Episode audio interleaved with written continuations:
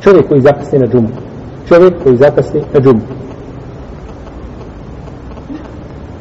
Ko zakasni na džumu i nađe imama a, na drugom rekiatu i stigne znači na jedan rekiat piše mu se džuma. S tim što postoji razilaženje ko je stigao šta na jedan rekiat. I govorili smo šta je mišljenje džumhura i o tome smo podino znači kazivali kada se smatra čovjek da je stigao na jedan šta?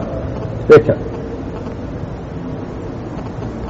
staće znači i dopuniti još jedan i ima džumu.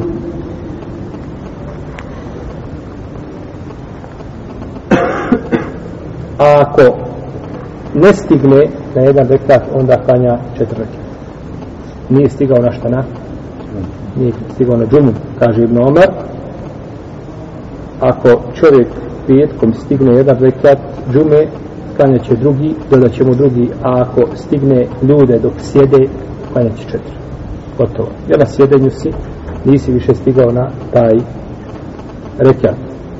I od Ibn Vesoda se prenosi da je rekao ko stigne jedan rekat džume stigao na džumu, ako ne stigne, neka klanja četiri. Neka klanja četiri. I ove dvije predaje bilježi Abdurazak, Ibn Ebi Šejbe i Behe koji se istavili lancem prenosilaca. Od koga? Ibn Abbas, od Ibn Omara. I spominje ovo isto šehol sam od Enesa.